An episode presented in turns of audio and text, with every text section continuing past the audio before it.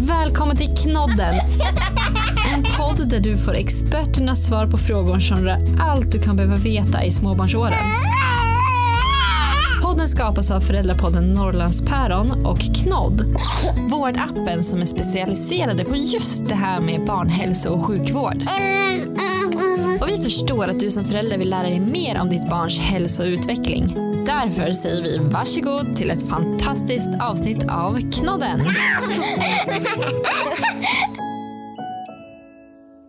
Hej Johan! Hej Anneli! Välkommen tillbaka till Knodden. Tack så mycket! Idag ska vi prata om ett ämne som alla föräldrar någon gång funderar på, tror jag. Ja, det vågar jag faktiskt hålla med dig om. Det här är något som händer i varje familj när man har småbarn.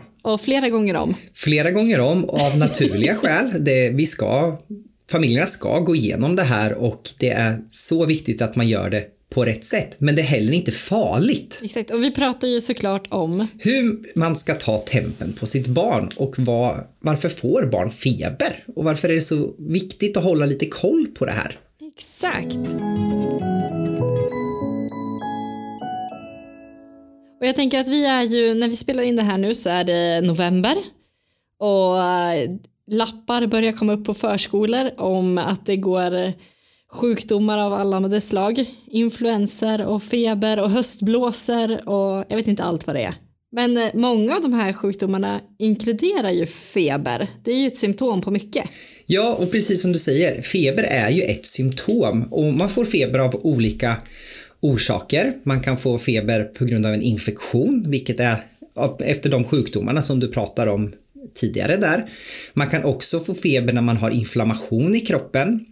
Man kan få feber om det är mer allvarliga sjukdomar såsom cancer till exempel, men man kan också få feber på grund av mediciner. Mm. Det är mycket, mycket som kan ge den där febern. Ja, och då är det alltid lika intressant och för det finns ju många som säger att det finns det här med att ja, men jag har feber när min kroppstemperatur höjer sig si eller så mycket. Men vad, vad skulle du säga att definitionen på feber är, Jenny? Vad är din erfarenhet?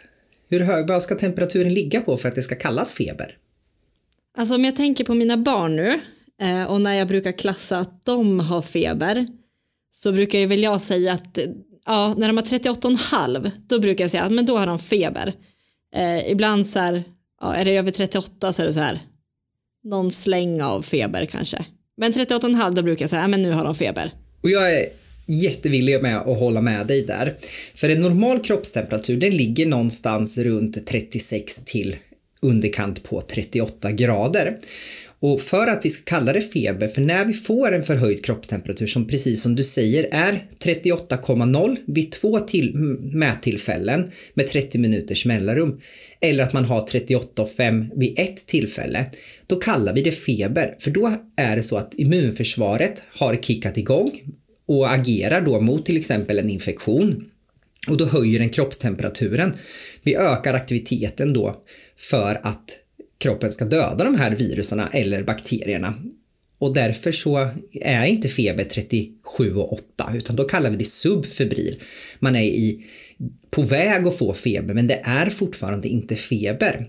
Och har man då, söker man sjukvård när man inte har feber, alltså över 38 vid två tillfällen eller 38,5 vid ett tillfälle och låter det här gå några dagar utifrån att allmäntillståndet såklart är bra också, då, då är det nästan meningslöst för då kan vi inte då har inte kroppen startat de här processerna och då är det svårt för oss inom sjukvården också att eh, utreda varför man har feber. Mm, just det, precis.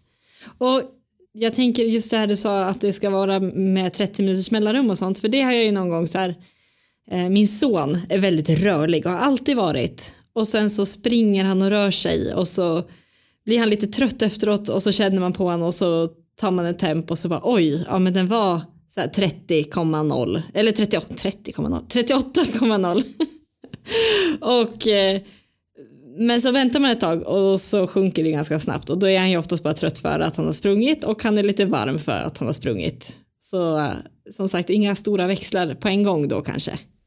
Nej men precis och det är exakt som du säger att barnet har ett omoget temperaturcentrum som då reagerar väldigt snabbt på eh, temperaturhöjningar och det, spädbarnen de har ju till och med svårt att reglera sin kroppstemperatur. Och har man då mycket kläder på, på spädbarnet och dessutom kanske en, två filtar då kan barnen ligga på 38 och 1 och tar man då av filtarna och tar av lite kläder, ja men då sjunker det ganska snabbt till normaltemperatur någonstans där runt 37 eh, grader plus minus några, några enheter. Och då, då är det ju inte feber utan då är barnet bara varmt. Så därför så behöver vi inte reagera supersnabbt på eh, en temperatur som ligger runt 38, mellan 38,0 och 38,5. Mm, exakt. Och då kommer vi till den stora frågan, hur ska jag ta tempen på mitt barn? För det finns ju många olika eh, termometrar och det finns många olika råd och rön kring hur, hur får jag ut den temperaturen som gäller? Ja men precis och då är det ju så att eh, om vi går igenom vilka olika mätsätt eh, det finns och vilka temperaturer man kan använda och förr i tiden skulle jag säga då använde man säkert mycket muntermometrar och det är en väldigt dålig mätmetod. Man ska stänga munnen, man ska inte prata på en stund för vi ska ju mäta temperaturen i munhålan. Då släpper vi in luft i munnen som vi gör i regel när vi pratar och sådär, då, då har vi en lägre temperatur. Så muntermometer, den kan man utesluta helt. Man, eh, sen har vi de här IR-mätningarna, som man, panntermometrarna som har kommit sista tiden. De är fortfarande jättedyra och eh, flyttar man bara termometern några centimeter från första mätstället så kommer temperaturen att skilja sig, vilket gör det väldigt svårt att utvärdera temperaturen och den blir väldigt svängande. Så det är ingenting jag rekommenderar heller.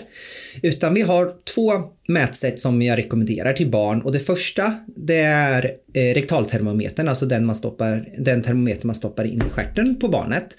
Och det är för att då mäter vi kärntemperaturen eh, i kroppen och vi är en bit ifrån temperaturcentrum som sitter uppe i hjärnan.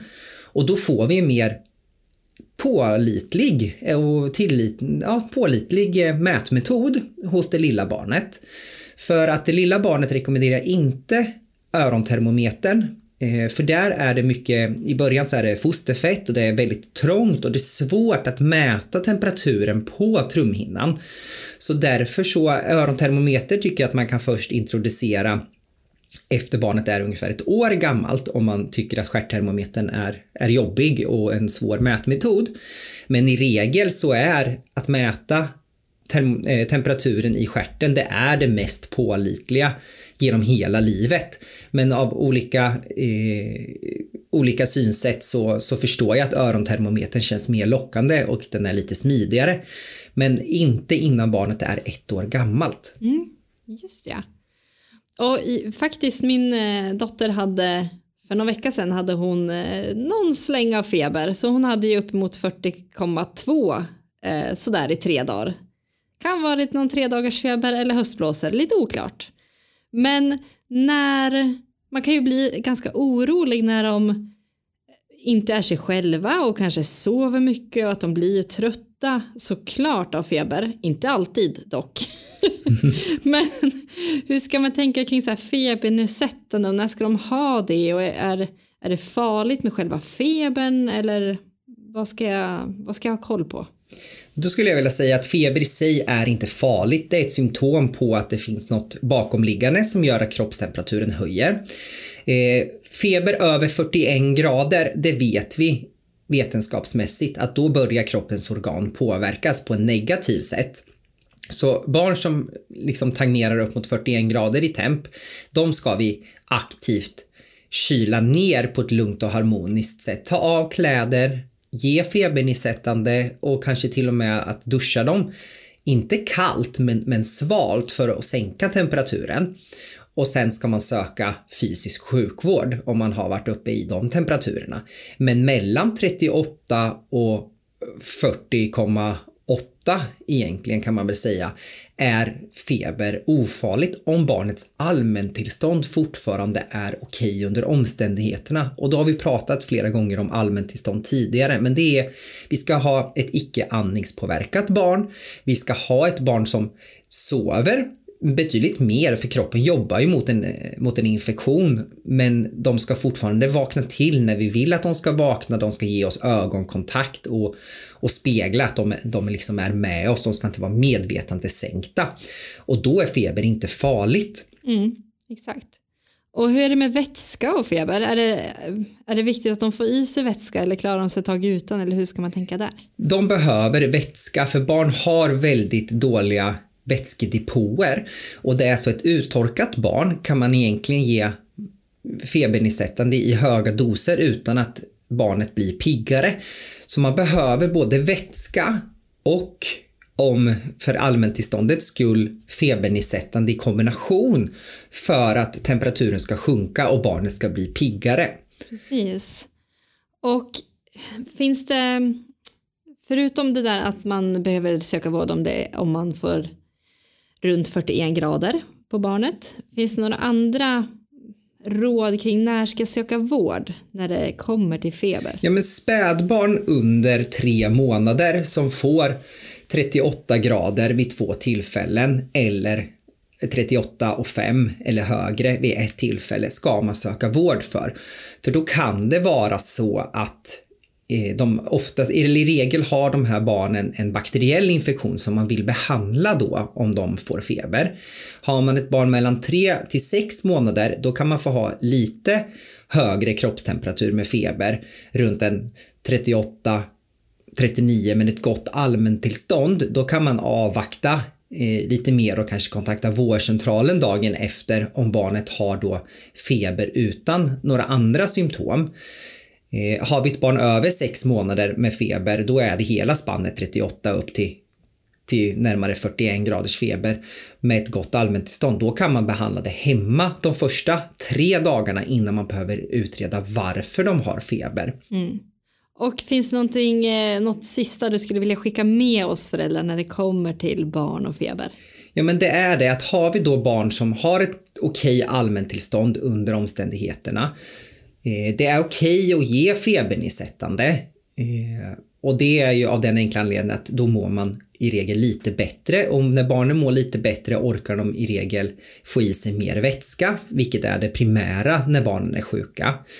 Och då vill man inom sjukvården att man avvaktar tre dagar. Dels har vi det här tre dagars feber, tre dagar med hög feber som sen följer dag fyra med utslag. Då kan vi utesluta att det är tre dagars feber, vilket man ändå inte behandlar.